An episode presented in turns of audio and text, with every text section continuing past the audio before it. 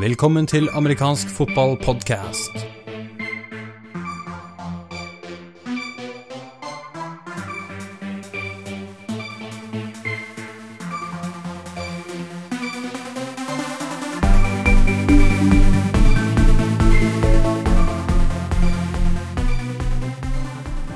Velkommen til episode fem av amerikansk fotballpodkast. Mitt navn er Jarle Magnus Henriksen. Jeg er programleder sammen med vår hovedprogramleder i dag, Patrick Hamnøy.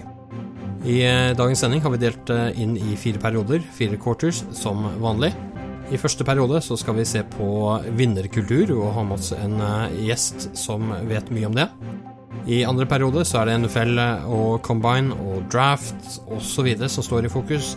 Tredje periode så er det importrekruttering vi skal snakke om, fallgrubber, do's and don'ts. I fjerde periode så snakker vi med Morten Midtsund om en artikkelserie han har gjort, hvor han snakker med flere av de norske klubbene og blir kjent med deres planer for 2016. Da er vi klare for første periode av dagens sending.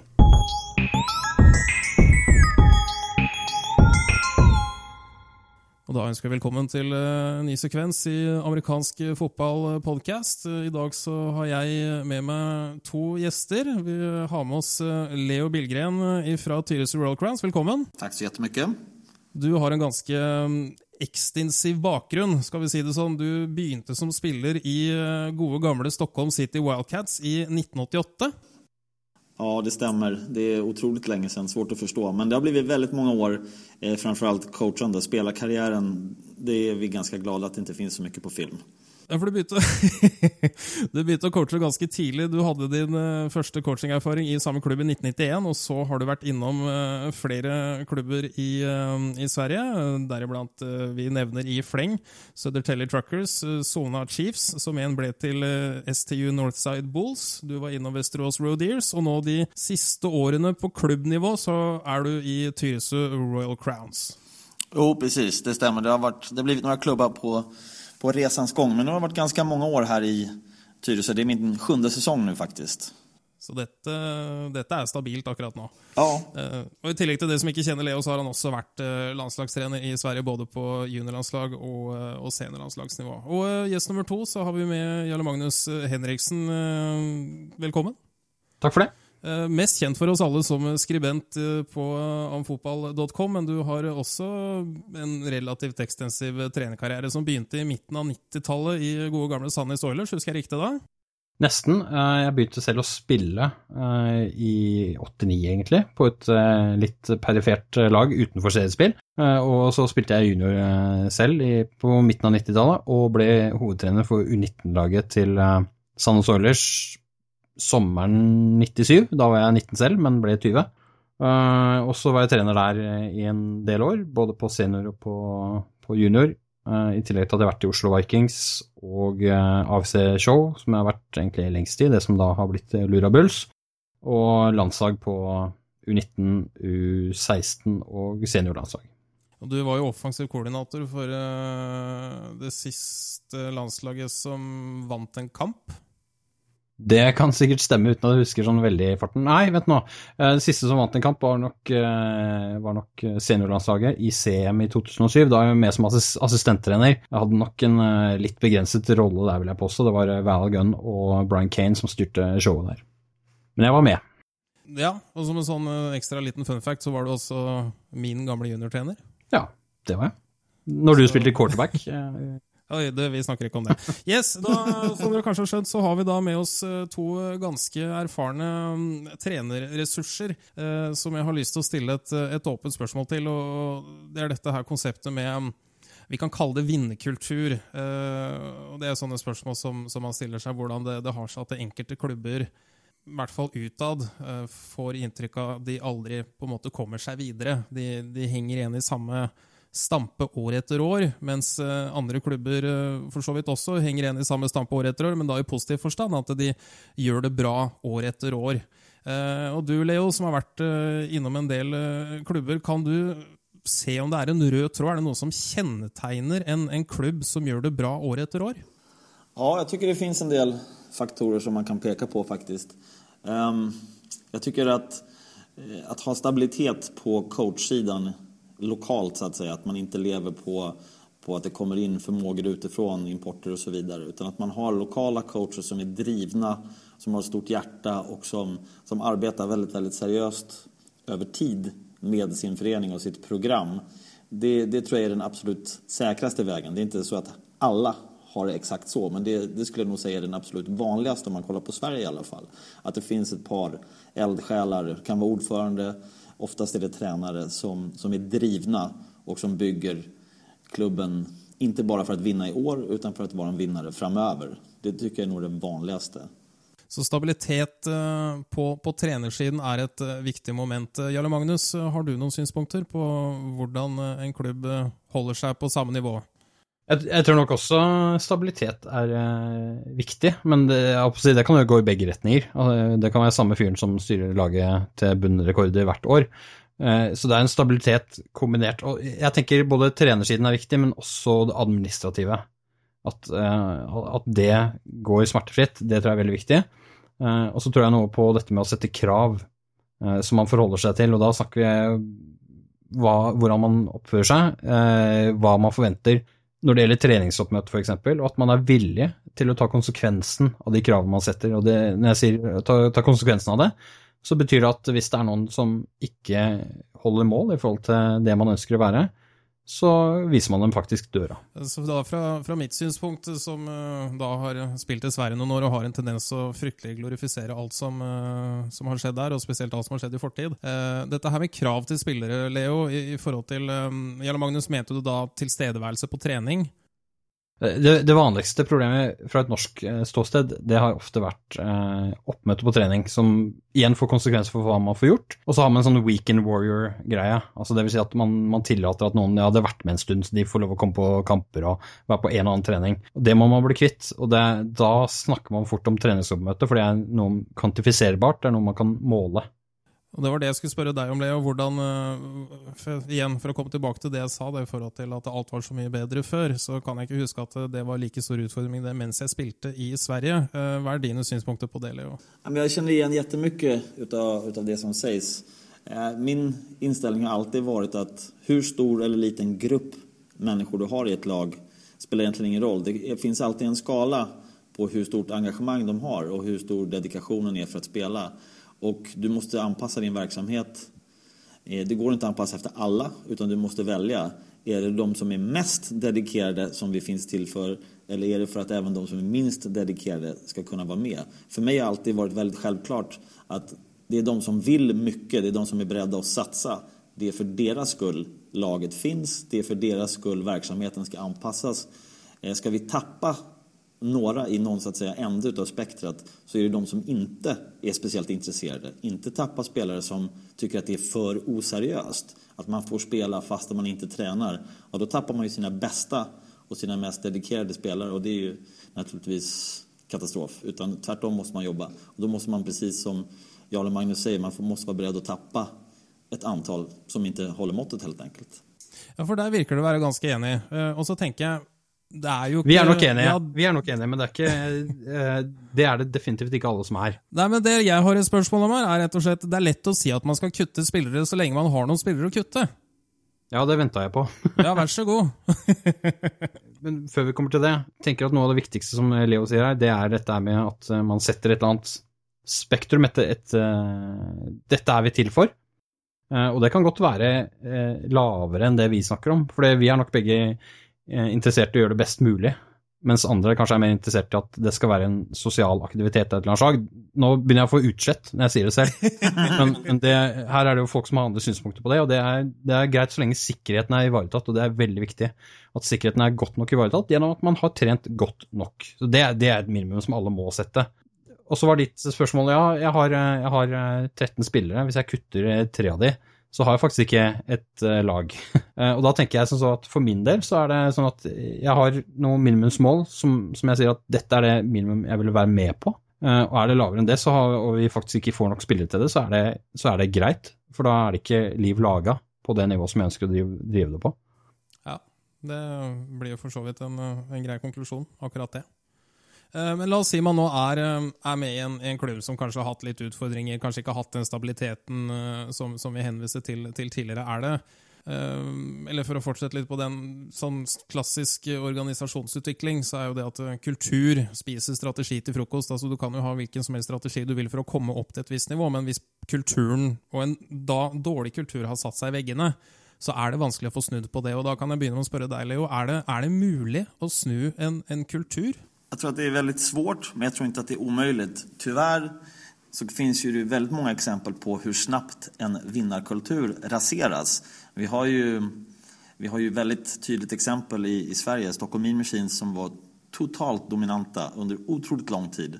I princip 15 år, där de alltid var i final. Eh, har ju varit riktiga bottom feeders och varit urusla de sista åren. Och det gick chockerande fort. Folk trodde att det var en självklarhet. Stockholm är alltid bra. Det är en sanning. Det är som att läsa Bibeln. Eh, och sen så gick det två säsonger så var de 0 och 10. Så att, att förändra en kultur negativt, otroligt enkelt. Att bygga en kultur, riktigt, riktigt hårt arbete krävs. Eh, och det, det, tar tid. Men det är inte omöjligt, men det, men det är tufft. Og Jarle Magnus, med, med, med, dine år i, i fotballen, tenker jeg ikke nødvendigvis på, på, egne klubber, men alle de har fulgt opp gjennom årene. Du, eh, tror du at det går? Jeg tror nok at uh, det går, men jeg tror også det kan være lettere i noen tilfeller å legge ned virksomhet, uh, vente noen år, så starte opp noe som er helt uh, nytt. og et alternativ til det er at man, man, man gjør egentlig det samme, men man, man, holder i samme klubb, men du er villig til å gå ned til at det er seks mann på trening, og det er de gutta som, som holder den kulturen du ønsker å ha. Men da må du rekruttere, da må du skjønne hva å rekruttere er. Og der, jeg kan ikke si jeg er noe guru på det i det hele tatt, dessverre og det tror jeg også skal være tema for en, for en annen eh, podkast. Eh, Jarle Magnus og Leo, tusen takk for at dere ville være med og bidra fra deres erfaringer. Eh, takk for at dere kom på besøk, og vi snakkes. Ja, takk så mye. Da er første periode over, og vi er klare for andre periode.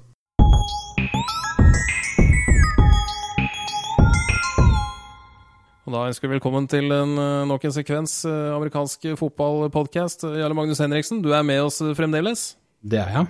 Og godt er det. Vi skal snakke litt om hva som foregår i NFL nå, for nå føles det som det er en evighet siden Superbowl var eh, ferdigspilt. Nå har det ikke gått mer enn en, en snau måned, men det føles kjempelenge siden. Og det er enda lenger til sesongen eh, starter på nytt igjen i september. Men uh, dette er ikke ensbetydende med at lagene i NFL ligger på latsiden. Fokuset nå ligger på årets draft. Kan du fortelle de som eventuelt ikke vet hva draften går ut på, hva det er for noe, Magnus? Draften er eh, en måte som NFL-lagene og NFL som helhet eh, fordeler spillere på, nye spillere som kommer inn. Eh, og vi snakker da typisk om de som kommer fra college-universitetsnivået. Det er noe som NFL har hatt gående siden 1936, og det tipper jeg at er lenger enn de fleste her har fulgt med på NFL. I hvert fall gjelder det for min del. Det har etter hvert blitt en vitenskap, i den forstand at hvem man velger og sånn, det, det, er ikke gjort på en dag å finne ut av det det er en lang prosess på det, og vi er midt inne i den prosessen og hvordan det foregår. Eh, og det skal vi komme, komme tilbake til om et lite øyeblikk. Eh, draften den er eh, syv runder, sånn som den er nå. Når jeg begynte å følge med, så var den tolv, og den har vel vært i hvert fall 18 før i tida, så den har variert i størrelse. Syv runder ganger da 32 valg, for det er 32 lag i NFL. Og så er det sånn at eh, stort sett så er det det dårligste laget som velger først, og det gjør de da i hver eh, runde. Så har man gjort det veldig dårlig i 2015, så velger man høyt oppe.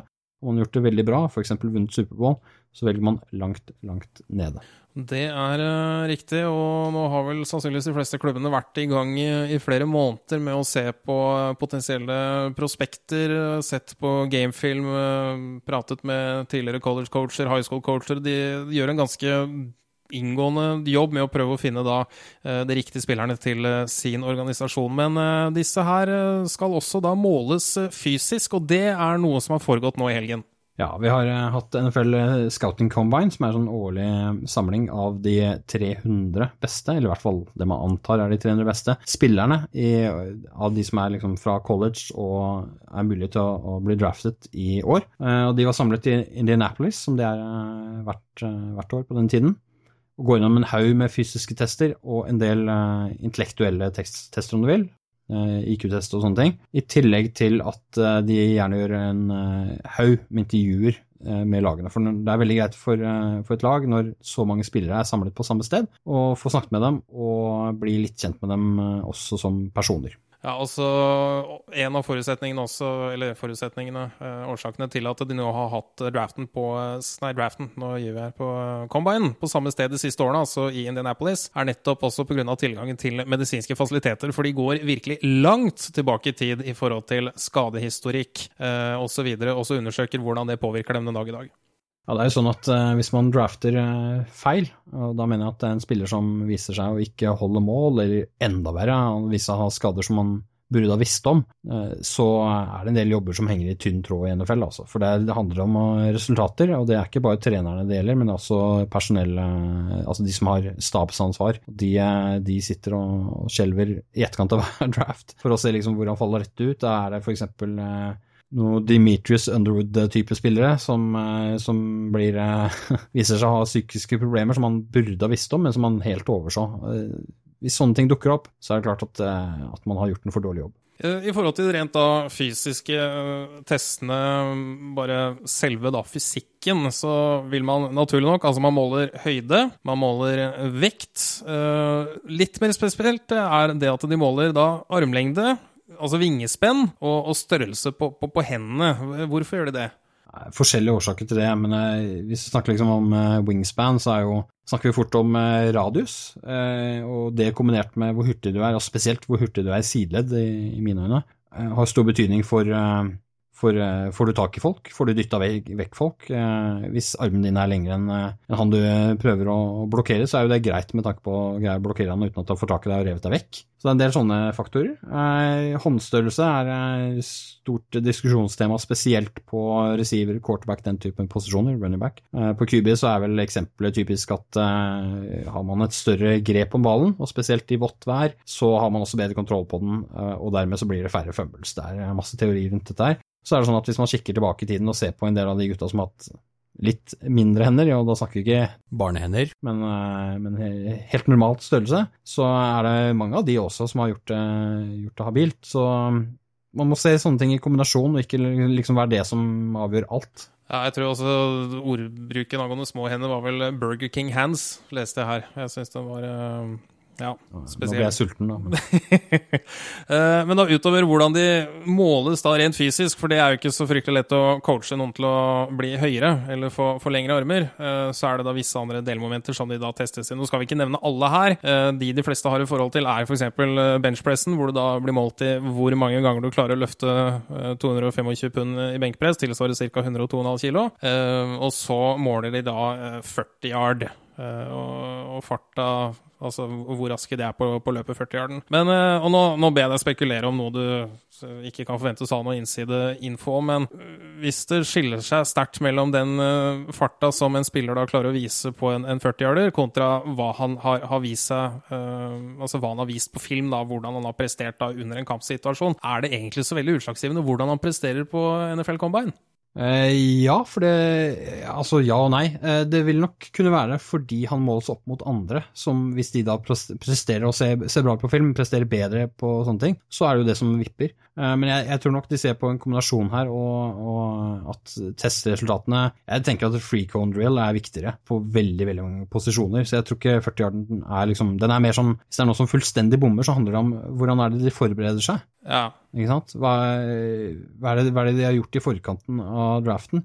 Og hvis det er noen som daffer rundt der og gjør dårlige, dårlige ting på de fysiske testene, kombinert gjerne med intervjuer som ikke er veldig overbevisende, så er det et eller annet her som forteller noe om, om hvor seriøs man er, og man skal spille profesjonelt. Ok, proft er å være profesjonell. Da må man også vise det i hvordan man forbereder seg. Og så er det, er det noe her med at det kan også avsløre andre ting, som f.eks. skadesituasjon. At er, man gjør det dårlig fordi man har en eller annen teknikk som har endret seg. Og det skyldes noe som en skade man ikke har fortalt så mye om. Som at du kanskje har uh, Si at du har fått en skade i kneet ditt og har endret uh, løpestilen din, og så har det gitt seg utslag på testen. Er det den type du tenker da, eller? Ja, for eksempel. Og du vil også se, hvis du ser på en del av de som har løpt 40 yard, så vil du se litt på løpeteknikken. Uh, en forskjell på de som har brukt tid på å forberede seg sammen med folk som kan løpeteknikk, og de som ikke har gjort det. Altså hvor går beina, hvilken retning er det man faktisk løper i med, med fotbladet osv. Ja. Nå nevnte du også intervjuer, altså i tillegg til å da bli testet med, Gå gjennom medisinske tester til å bli testet uh, hvordan de ser ut rent fysisk, og hvordan de også presterer rent fysisk, så skal de også gjennom til dels ganske ekstensive intervjuer med de interesserte lagene. Ja, og der er det mye rart som foregår. Uh, mange spørsmål som dukker opp, som uh, man kan lure på om de har lest en bok for mye om intervjuteknikk. og, og, og, det finnes jo eksempler på det fra tidligere år, med f.eks. Des Bryant som fikk en del eh, stygge spørsmål. Eh, rett og slett eh, Jeff Ireland hos Miami Dolphins på det tidspunktet, som stilte spørsmål om ja, er moren din prostituert?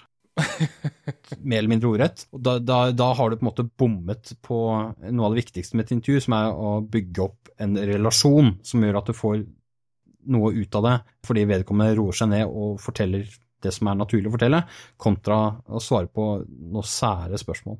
Ja. Uh, og I tillegg til da disse intervjuene så det også, blir det gjennomført en del um, psykologiske uh, tester. Meg bekjent litt for å teste litt hvor raskt de evner å ta til seg læring. For som du sier, at nå er det ikke college lenger, nå skal de opp til proff. og da bruker de også vesentlig mer komplekse spillesystemer, playbooks, i proffligaen enn det de gjør i, i college-ligaen. Så det også er en, en, en, stor del av pakka. Men når var det denne draften foregikk igjen? 28. til 30. 30. april, dvs. Si at eh, første runde er vel 28., og så er det Altså, eh, Siste dagen er det kanskje ikke så mange som følger med, for da er det de siste rundene. Så de to første dagene er det veldig mye fokus på det, og så blir det litt uh, tregere fokus på det. Og så er det sånn at uh, Nå har ikke vi regnet på det, men, uh, men syv runder, 32 valg, hva er det for noe, 265 valg eller et eller annet rundt det. I tillegg til de så blir det signert en haug med rookie free agents rett i etterkant av draften. For da setter lagene seg ned og ringer rundt til agenter og spillere som, som ikke har blitt signert, men som de allikevel har et øye til.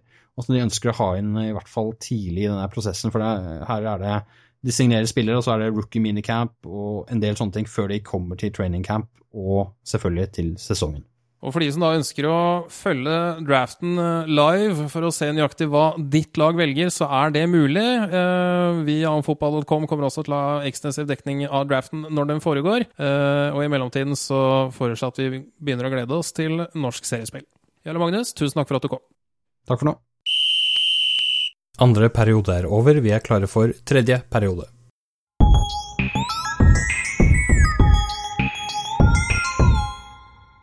Da ønsker vi velkommen til eh, nok en eh, sekvens for eh, amerikansk fotball-podkast. Og i denne sekvensen her så skal vi ta for oss importer og utfordringer med å ta inn importspillere til klubber i Norge og i Sverige. Og i den forbindelse så har jeg da med meg Jarle Magnus Henriksen fra Lurabuls. Velkommen.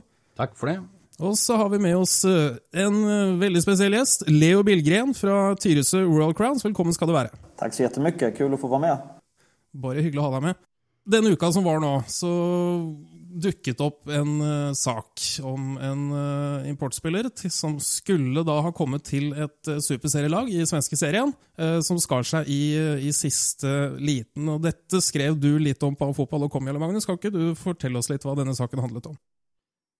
Veldig kort fortalt så er det en potensiell QB som eh, man nok ikke hadde gjort så mye research på som man kanskje burde, eh, og som hadde signert for eh, i praksis to lag.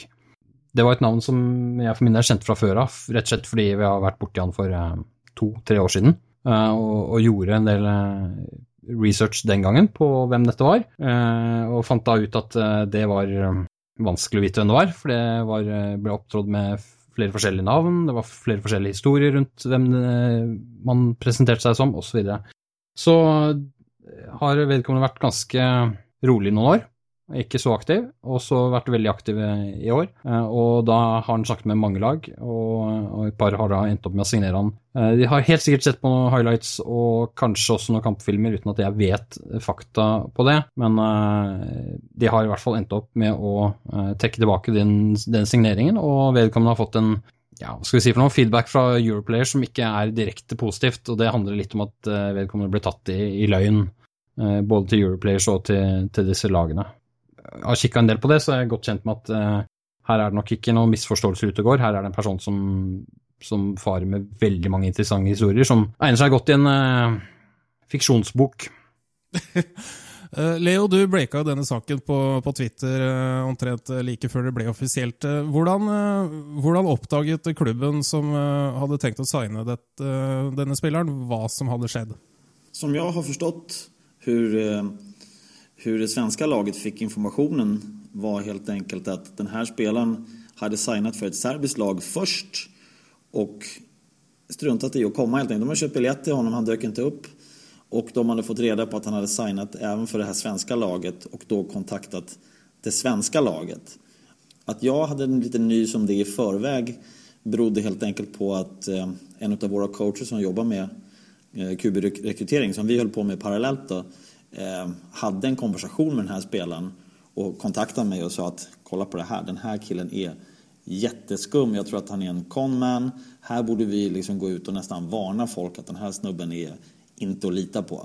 Ja, og det bringer oss jo litt inn i en, hva skal vi si, en ikke fullt så fokusert eh, del av eh, importbiten. Altså Alle vil gjerne ha importer, alle vil gjerne forsterke laget, men det er jo en anstendig risiko for, for både laget og til en viss grad også for, for, spilleren, hvis han ender opp på dårlig lag. Og både du, eller Magnus, og du, Leo, dere sitter jo med Eh, hva skal vi si, rekrutteringsbiten til egne klubber når det kommer til importspillere. Leo, hvordan går dere fram i, i Tyresø når, når, dere skal ut og finne en, en importspiller? Mm, vi har et system som jeg syns fungerer ganske bra. Det er naturligvis ikke på noe sett 100 Det er alltid eh, svårt å finne rett kille, helt enkelt. Men for oss funker det så at den koordinator som skal få en import til sin side av bollen, så jeg som da er offensiv koordinator skal ha en quarterback da formulerer vi en kravspecifikation. Helt enkelt, vad letar vi efter? Vad är nyckelfaktorerna? Vad ska han ha? Och vad är några riktiga dealbreakers? Så har han det här på sin resumé, då, ska, då är han inte intressant, då ska han bort direkt. När vi väl har formulerat det, baserat på vad vi vill spela för offens och vad vi har för personal och så, så låter vi ett antal, i vårt fall har det varit tre när det gäller QB, QB-jakten då, utav våra coacher som har sökt Eh, enligt de premisser som vi har satt upp och på alla de kontakter som vi gemensamt i staben har. Och så samlar de in en väldig massa namn och gör en grovgallring kan man säga och hittar, hittar många namn, gallrar bort det som inte passar in och de som helt enkelt inte är intresserade. Och de bästa namnen som fortfarande är intressanta och som vill komma till Europa, de tittar jag på och gör slutselekteringen där tillsammans med headcoach såklart. Det var litt om, eh, ja, takk. Det var litt om hvordan de, gjør det i, i Tyresø. Jarle Magnus, i, i Lura Bulls, hvordan er fremgangsmåten der? Eh, den er eh, til dels lik, og til dels ikke lik. Vi har, vi har også sånn at det er en sport, sportslig ledelse i klubben. Sportslig leder og gjerne hovedtrener, som gir en slags kravspesifikasjon. Men den er nok stort sett begrenset til posisjon og litt rundt type spiller.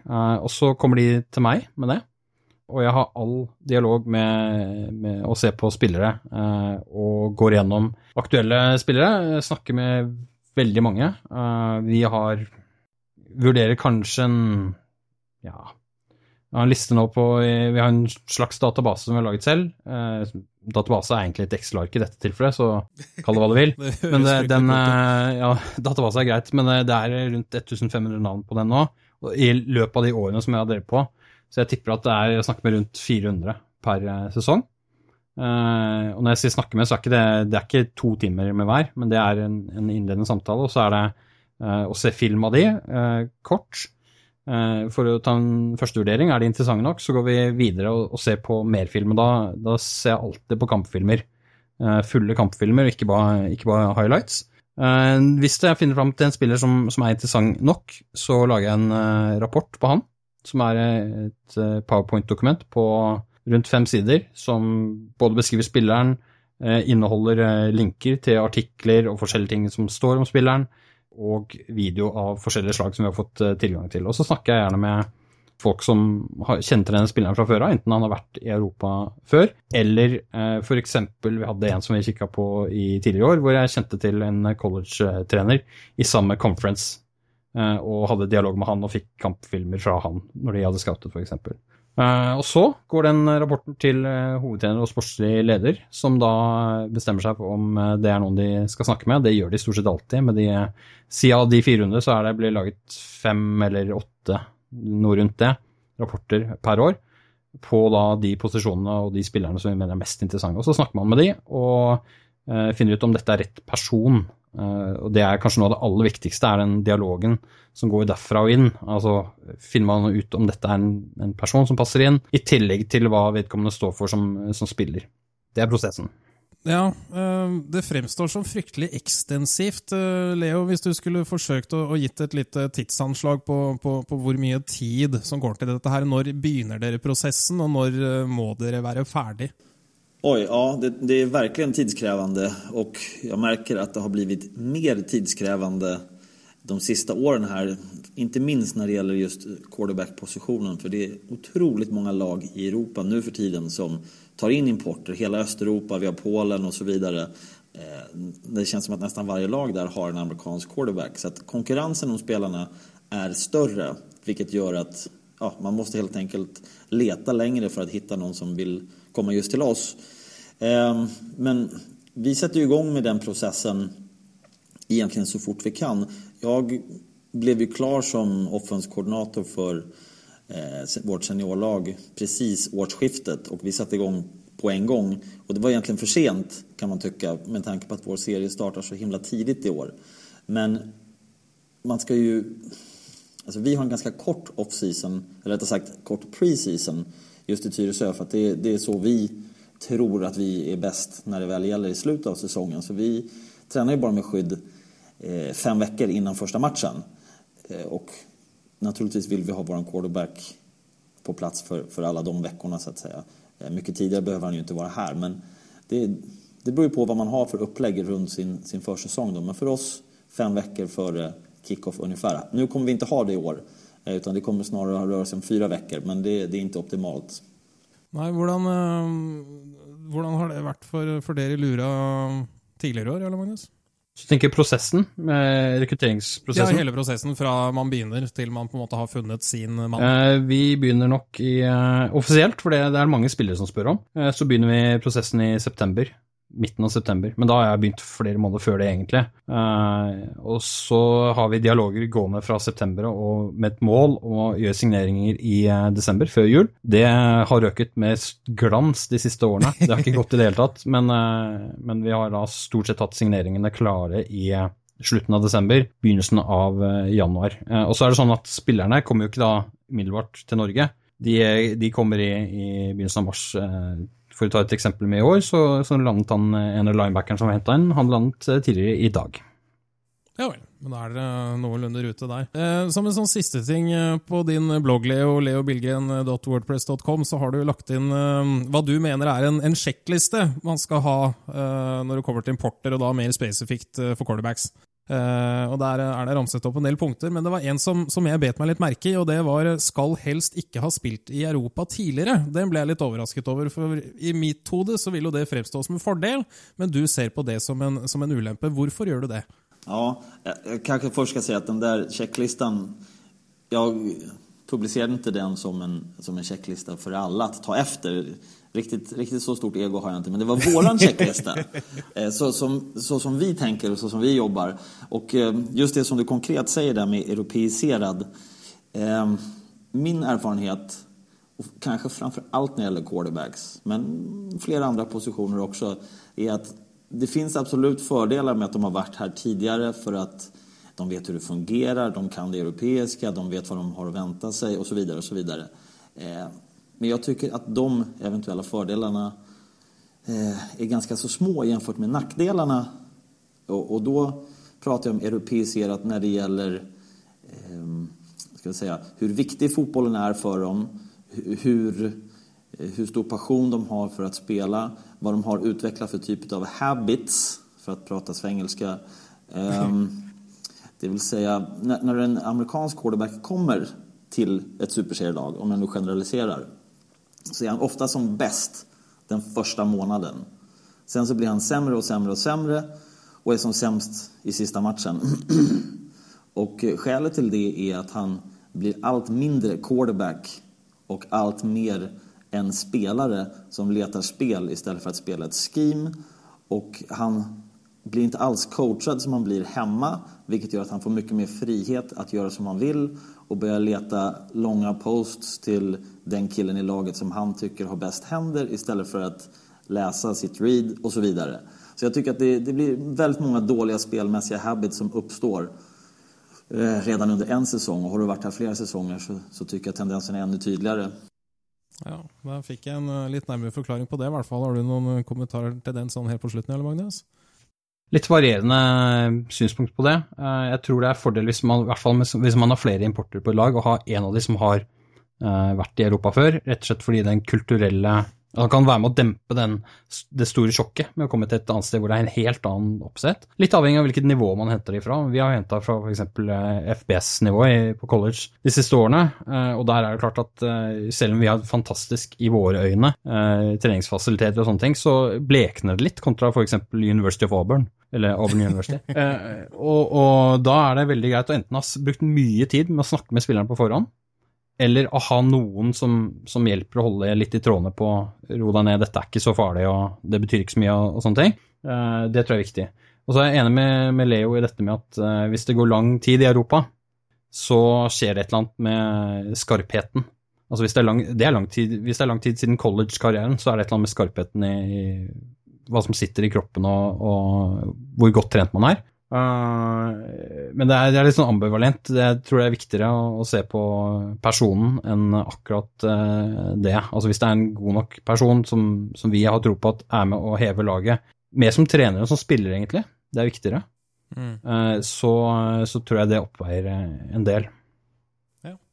Da tror jeg og håper at dere der hjemme har fått et litt bedre innblikk i, i hvordan klubber tenker når de henter inn importer. Jarle Magnus, tusen takk til deg. Hyggelig. Uh, Leo, takk for at du kom, og så snakkes vi. Takk så mye. Tredje periode er over, vi er klare for fjerde og siste periode.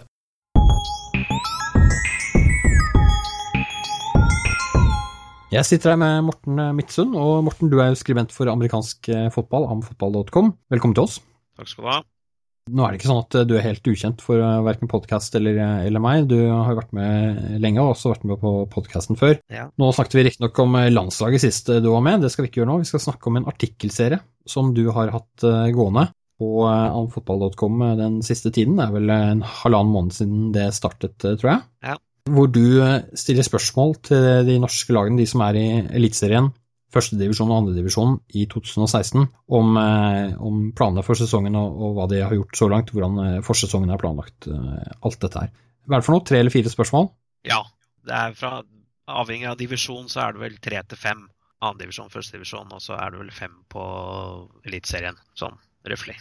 Hva, hva var planen din bak denne artikkelserien? Altså, det er jo å prøve å, å, å forberede Fotball-Norge for sesongen, liksom. Altså å, å, få fram det at nå starter vi opp, og få fram hva de enkelte laga gjør, egentlig. Det, det, det, har vært tungt, må jeg si. Jeg bruk... Hva som har vært tungt? Nei, altså det, det, det er liksom sånn du, Det å få informasjon, altså det tar noen lag er flinke til å komme med informasjon fort, bare etter noen dager. Andre lag det tar det en uke, to uker. Altså i snitt så har det vært Jeg vil si at de fleste ligger på to uker. Ett av lagene har ennå ikke svart. Der har vi gått via andre, altså tidligere medlemmer av den klubben. Og de har pusha litt, og Så der skal det visstnok komme. Om det gjør det, det vet jeg ikke, men det får vi jo bare vente og se på. Hva tenker du da, hva er det som gjør utslaget? Er det, Gjør vi noe feil når vi kontakter dem på den måten, eller er det har de ikke tid, eller hva går de? Nei, det er det, da. Jeg har kontakta de fleste via, enten via Facebook eller den offisielle mailen som de har, som jeg har funnet på forbundet sine sider. Så det er, ja, er det informasjonsflyt generelt i klubben, eller er det vi som har gjort det gærent? Det kan ikke jeg svare på, altså. Jeg er ikke noe trollmann i så måte.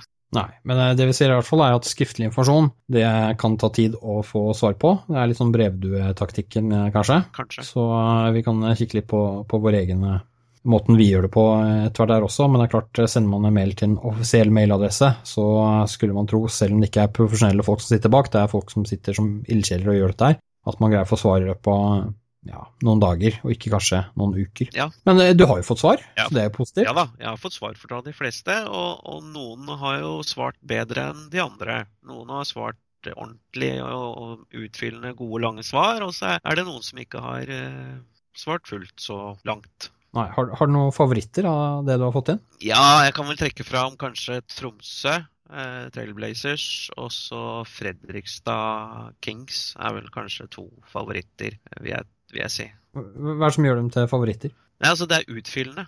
Det er mye. Det er en god, his det er- en god historie. Du, hvis man går inn og ser på, eh, på innleggene, eh, så ser man jo det at det er de som har skrevet og svart dette her, har faktisk tenkt seg om.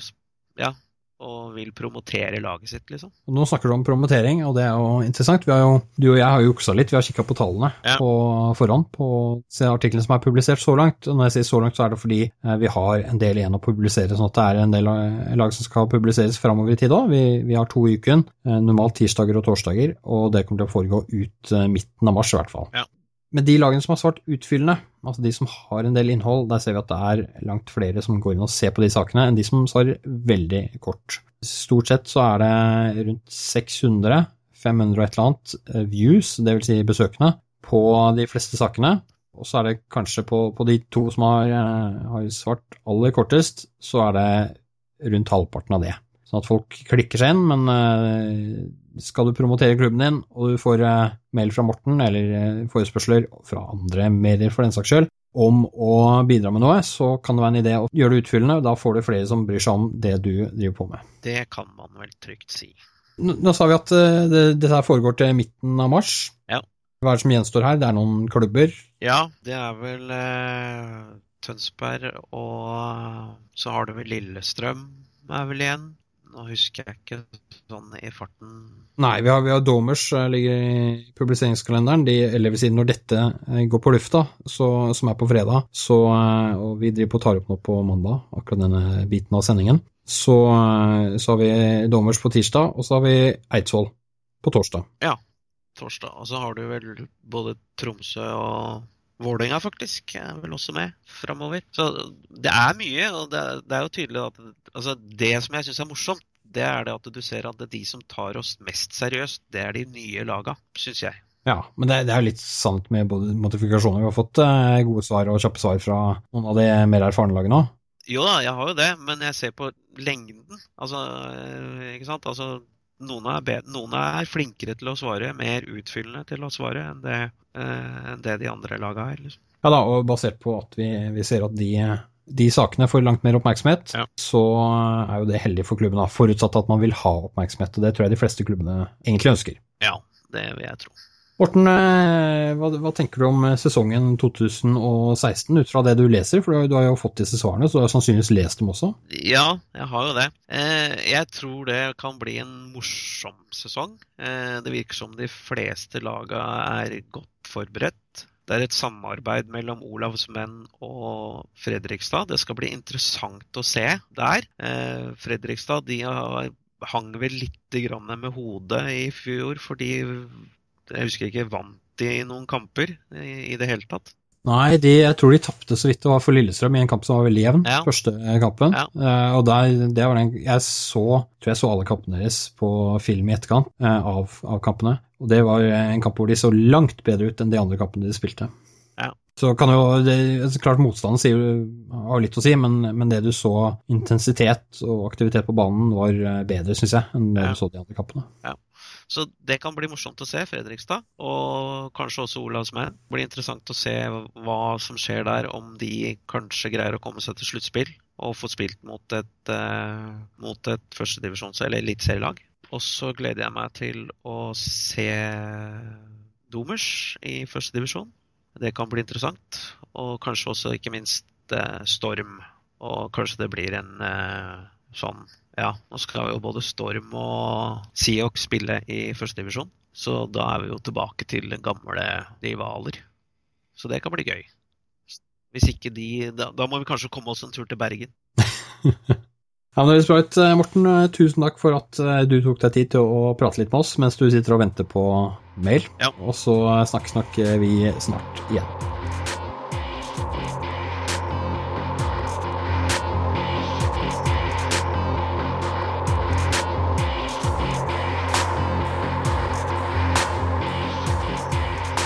Amerikansk fotballpodkast er over for i dag. Vi takker for følget. Følg gjerne med på amfotball.com, så høres vi snart.